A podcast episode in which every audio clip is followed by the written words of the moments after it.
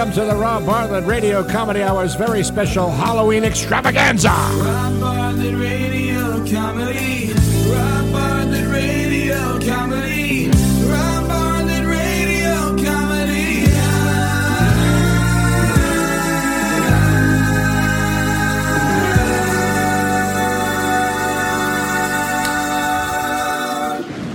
Now, I know we've been AWOL for the past couple of weeks, but it was because we were preparing for this extra special Halloween extravaganza. A jam packed show, boys and girls, with special guests Larry King, Karl from Sling Blade, and our old friend, our southern fried lady, Megan McDowell.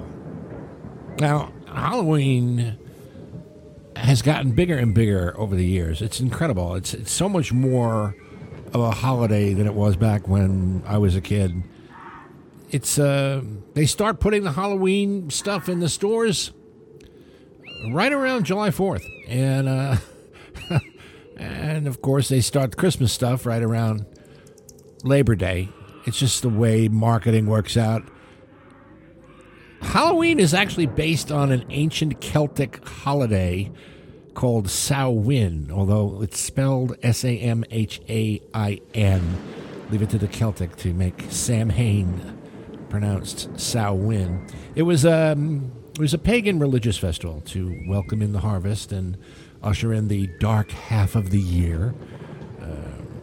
The celebrants believed that the barriers between the physical world and the spirit world would break down during Samhain, uh, allowing more interaction between humans and denizens of the other world.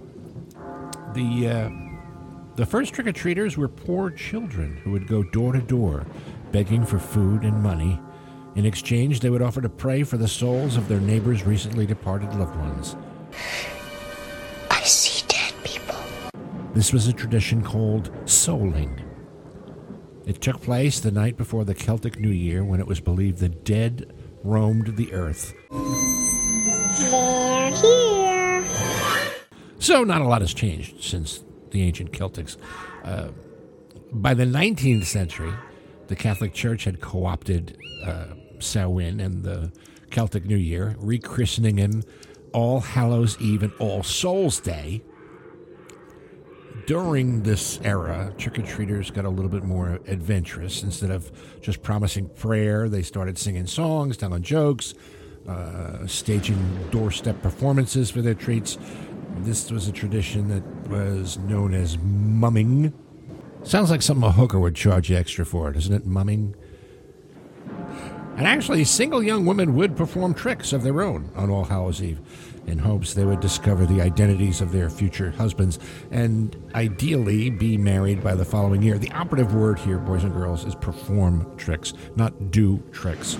Although I would imagine that if one of the tricks involved sucking a bowling ball through a garden hose, that'd go a long way towards getting a husband. But no, these tricks involved throwing apple peels or cracking eggs into a bowl in hopes that their future husband's initials would appear. One even had them looking in the mirror in a candlelit room to see a reflection of their beloved's face. Mm, Speaking of that, one woman who might be able to do a few tricks herself Excuse is me. our old friend, Pardon Megan me. McDowell. Coming through. I'd like to welcome her to the Rob the Bartlett hell Radio out the way, Comedy y'all. Hour. Welcome, welcome, Megan McDowell. How are you? I'm fine, Puddin'. Do you um you celebrate Halloween, don't you? Can I ask you a question? Is a bear Catholic? Does the Pope shit in the woods? I don't think that's the way. Me and my fiance Otis are fixing to go to a costume party tonight. Oh, really? I was gonna go as a cougar, but when I put the ears and tail on, Otis thought I was dressing up to be Big Pussy. He's gonna be naked on a pair of roller skates. Mm-hmm. Gonna be my own little pull toy. charming. I know it seems cruel, but Otis don't mind because he's a lot more docile these days since he got hit in the head with that 160 pound sack of flour down at the mill. That's unfortunate. Last year, I trick or treated in a pair of fishnets, a leather bustier, and a stuffed raven on my shoulder. I was Edgar Allan Poe. Oh, I get it. Back when I was a little girl, well, well, truth be told, I wasn't all that little. Well, yeah. Mom used to make homemade costumes for me and my sister Dagan. Really? Dagan was always a princess or I Dream of Jeannie, but all I got was a sweatshirt and a tumbleweed staple gun to it. What? I said, Who am I supposed to be, Mama? And she said, Oklahoma. Halloween's my favorite holiday, y'all. Oh, hmm. my Lord, yeah. You get to dress up in a costume and mm-hmm. get free candy. Yeah. I love me some free candy. Mm-hmm. I would kill for a Charleston chew. and I have. Oh. I told the girl that candy bar was mine, but she wouldn't let go. So I sat in her face and smothered her to death. Wound up doing a nickel for involuntary manslaughter, but y'all, it was worth it. Oh, okay. Happy Halloween! Trick or treat! Trick, come on in. Be afraid. Be very afraid.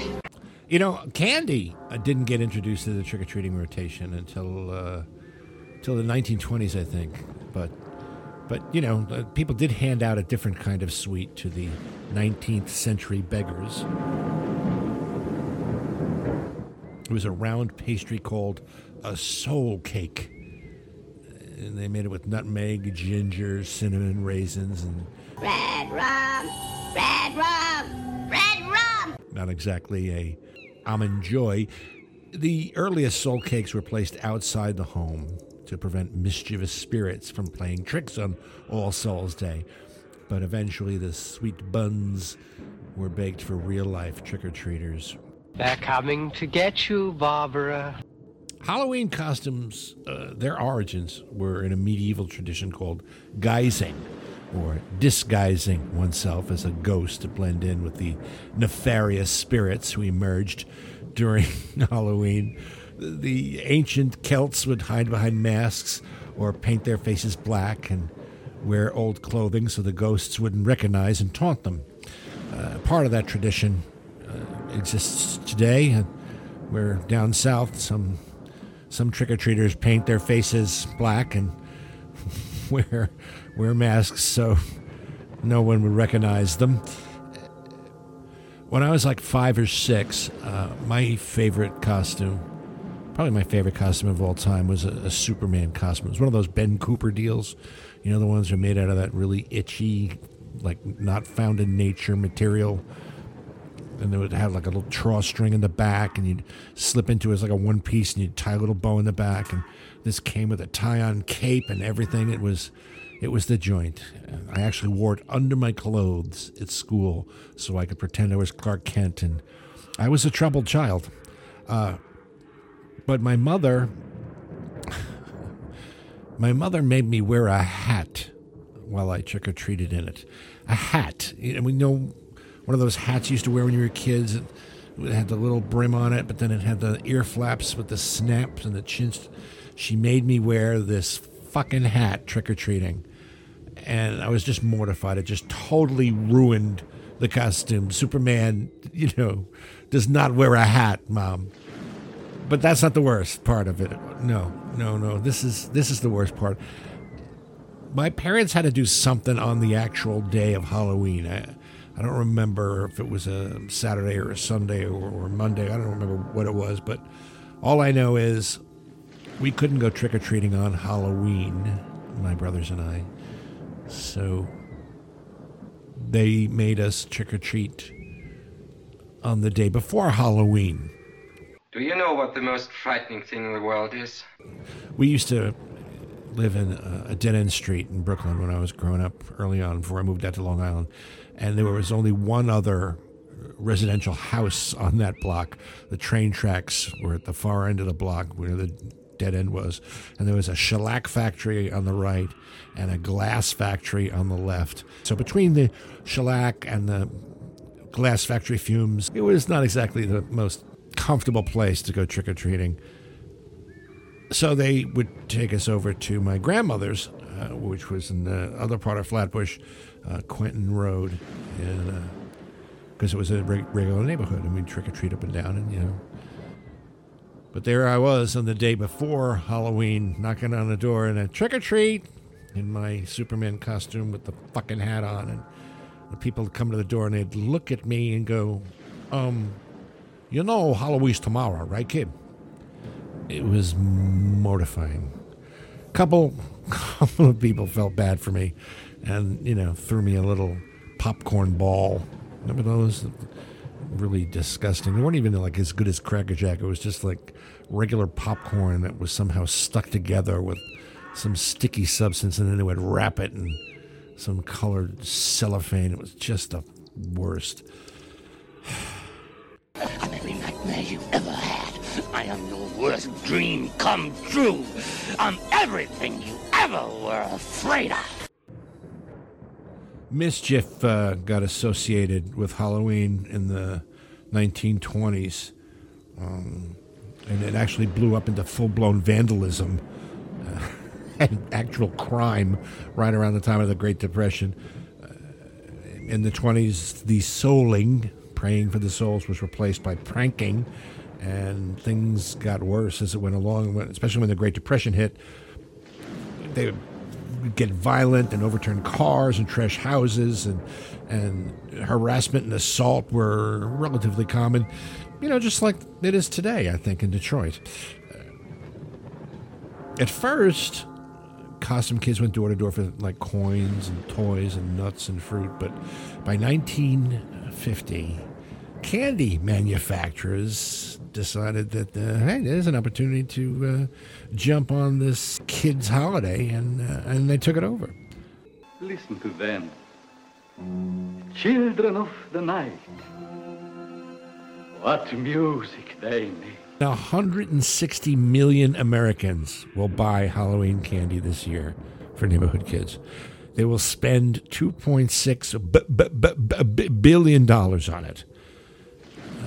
Some of the most popular modern day candies are Reese's peanut butter cups, M&Ms, Milk Duds.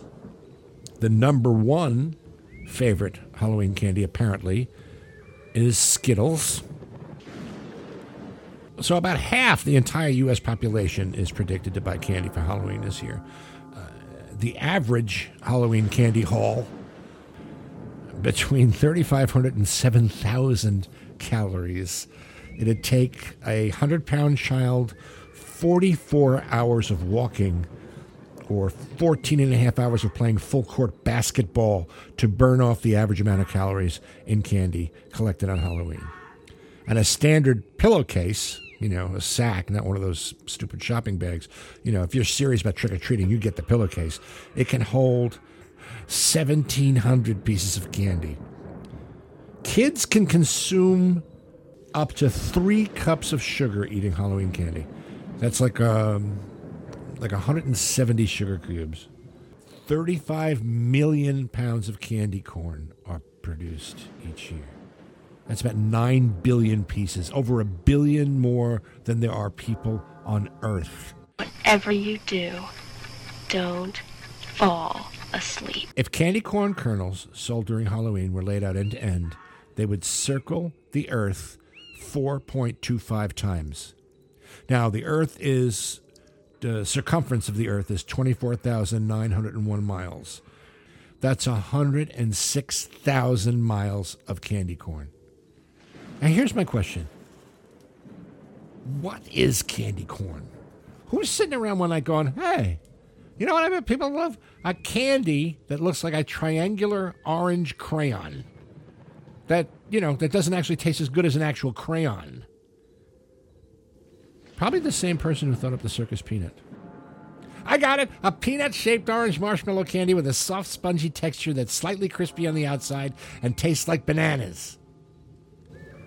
I, I, I, just, I don't know. I- I'm stupefied. But here's a, a little interesting piece of trivia Lucky Charms, which were created in the early 60s by General Mills, uh, by this one guy who put chopped pieces of circus peanuts into his Cheerios and thought that flavor combo really worked. So that's how Lucky Charms were born. Today, those little marshmallow bits are called Marbits, which are also not made of substances that are found in nature. Well, I'd like to welcome another special guest here to the uh, Rob Bartlett Radio Comedy Hour Halloween Extravaganza. Our old friend Karl from Sling Blade. Me, me. Welcome to the Rob Bartlett Radio Comedy Hour, Karl. Happy Thank you. Halloween. Thank you. Mm. I reckon today's Halloween. Yeah, it is. We used to have Halloween parties at the Nervous Hospital. Really? Every year, might have the patients dress up. Don't rightly know why they thought it was a good idea to have schizophrenics with identity issues put on costumes. Mm. they don't even know who they were. Having them dress up like pirates was just confusing. Uh, yeah, I would agree. Kids come around my shack every year dressed in costumes, Oh, really? begging for candy. Sure. If and I don't give it to them, they cover me in toilet paper. Oh, that's not. Well, I never do have candy, so I reckon I'll be covered in toilet paper again this year. Oh, I'm sorry. Last Halloween, I kept it on. Went around trick or treating myself, All right. pretending I was a mummy. Ah, they made lemonade out of lemons. Although this one house man said he thought I was a giant turd. Oh, no, that's not a good idea. I didn't like it that much, so I carved him a jack o' lantern. Mm. Not on a pumpkin. I I carved him into a jack o' lantern. Oh. Stuck a candle in his butt. Put him out on his porch. Mm. I don't go trick or treating no more. Oh, that's a good thing, probably. Since I got over to the nursing home one Halloween, cut their grass with a Kaiser blade. Some folks call it a sling blade. I call it a Kaiser blade. Yeah. Long wood handle, kind of like an axe handle. Long blade shaped like, a banana. right. I reckon a couple of them old people looked out the window, see me holding that Kaiser blade, wearing my hooded black sweatshirt. God, no. I reckon they was thinking I was a Grim Reaper coming to claim 'em. I reckon they would, mm. yes. Well, turns out four or five of them wound up being claimed that day once they see me. Well, yeah. I reckon they don't need no Halloween costumes no more. Because they's already ghosts. Well, thanks for stopping by, Karl. Happy Halloween. Take some of them fried taters if you got some. Oh, I, I don't think we have any fried taters, unfortunately, but I'd happy to give you some some Skittles or, or maybe some circus peanuts. Uh, Karl from Sling Blade. Always nice to see him. The boogeyman is real, and you found him. We uh, here at the Rob Bartlett Radio Comedy Hour Halloween Extravaganza, we have uh, kind of like a David Letterman top ten list, except we call it a top eight list because you know it's different, and we don't have to come up with two extra jokes. So these are the eight worst Halloween candies found in a trick or treat bag. Shall we? Let's. Number eight, Reese's Peanut Allergy Pieces. Number seven, Not So Smarties. Number six, Gecko Wafers. Number five, Minimum Wage Payday. Number four, Malignant Duds. Instead of milk duds, malignant duds. I, I get it. Um, number three, uh, one of my favorite candies, gummy nuns. Number two, the Nestle's Crotch Bar. And the number one worst Halloween candy found in a trick or treat bag, Grandma's Dusty Purse Sour Balls. Do you know what the most frightening thing in the world is? Grandma's Dusty Purse Sour Balls. And as promised, I'd like to welcome our next guest here to the Rob Bartlett Radio Comedy Hour Halloween Extravaganza, uh, our good friend, um the great Larry King. Larry, happy Halloween. Time magazine says that despite the economy, Halloween sales are up. Oh, yeah.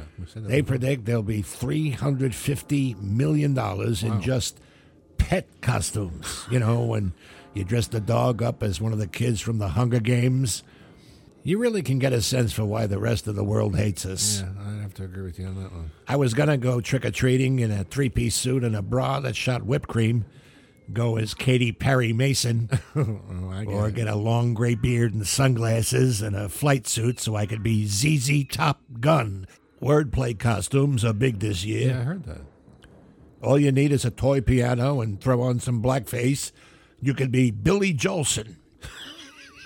I'm not big on the getting dressed up in costume deal, No, although no, one either. year for Loretta Swit's Halloween party, I went with a toilet seat around my neck so I could get bras to sit on my face. Oh. But I think this year I'll just rent a tux, wear a shoulder holster, get really drunk and grope strange women, tell everybody I'm James Bond. Because, you know, I was an agent for the OSS during the big one. Oh, I didn't know that. But we wore name tags, so it was kind of like the not so secret service. During the Cold War, I found myself in Minsk trying to get military secrets from a member of the KGB by slipping the samovar to some commie co-ed's balalaika. I got some microfilm of some missile plans and some glasnost on my scimitar. St. Petersburg, Florida. You're on with Cesar Romero. Whoever is bitten by a werewolf and lives becomes a werewolf himself. Larry King. Larry King here in the Rob Bartlett Radio Comedy Hour. Don't forget, I'll be with the Billy J. Kramer at my father's place at the Roslyn Hotel Sunday night, December 8th. Special holiday edition of Do You Want to Know a Secret? Songs and Stories, some comedy. Billy's going to talk about his days growing up with uh, John Paul, George, and Ringo, do a couple songs. I'll be doing some stand up. I'll be interviewing him. It's a, a splendid time, is guaranteed for all. That's December 8th at my father's place in Roslyn. Now, if you want to know what's going on in Robio World, check out the Rob Bartlett Radio Comedy Hour Facebook page or our Twitter account at the Robio. On Instagram, Rob Bartlett Radio Comedy, or also Robio 007. R O B I O is Robio. You can always drop us a line. Uh, email Robio Radio Comedy Hour at gmail.com. Spread the word. Tell your friends and family. Tell them about us, and then click the subscribe button wherever you downloaded this episode. Subscribe. That way, every time there's a new episode, it'll be there waiting for you. And uh, and then leave us a good review on Apple Podcasts if you don't mind, because it helps get the word out to other podcast followers, and it helps promote our show. So, our program produced by Gary Grant and me, Rob Bartlett, actorized by me, Rob Bartlett, written by me, Rob Bartlett, along with the great Andrew Smith. The Rob Bartlett Radio Comedy Hour theme, music and lyrics by Gary Grant, recorded and performed by Steve Mecca. All stunts were done by me, Rob Bartlett. Mr. Bartlett's wardrobe by Botany 500. No animals were harmed in the production of this podcast, or were they? We'll see you again next time in the Rob Bartlett Radio Comedy Hour, boys and girls, and until then, be good to each other, won't ya?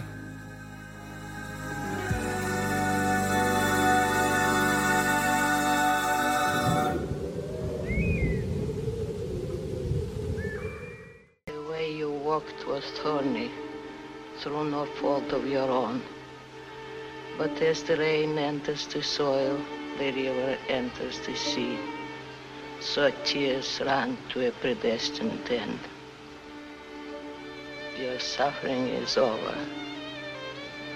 Now you will find peace for eternity.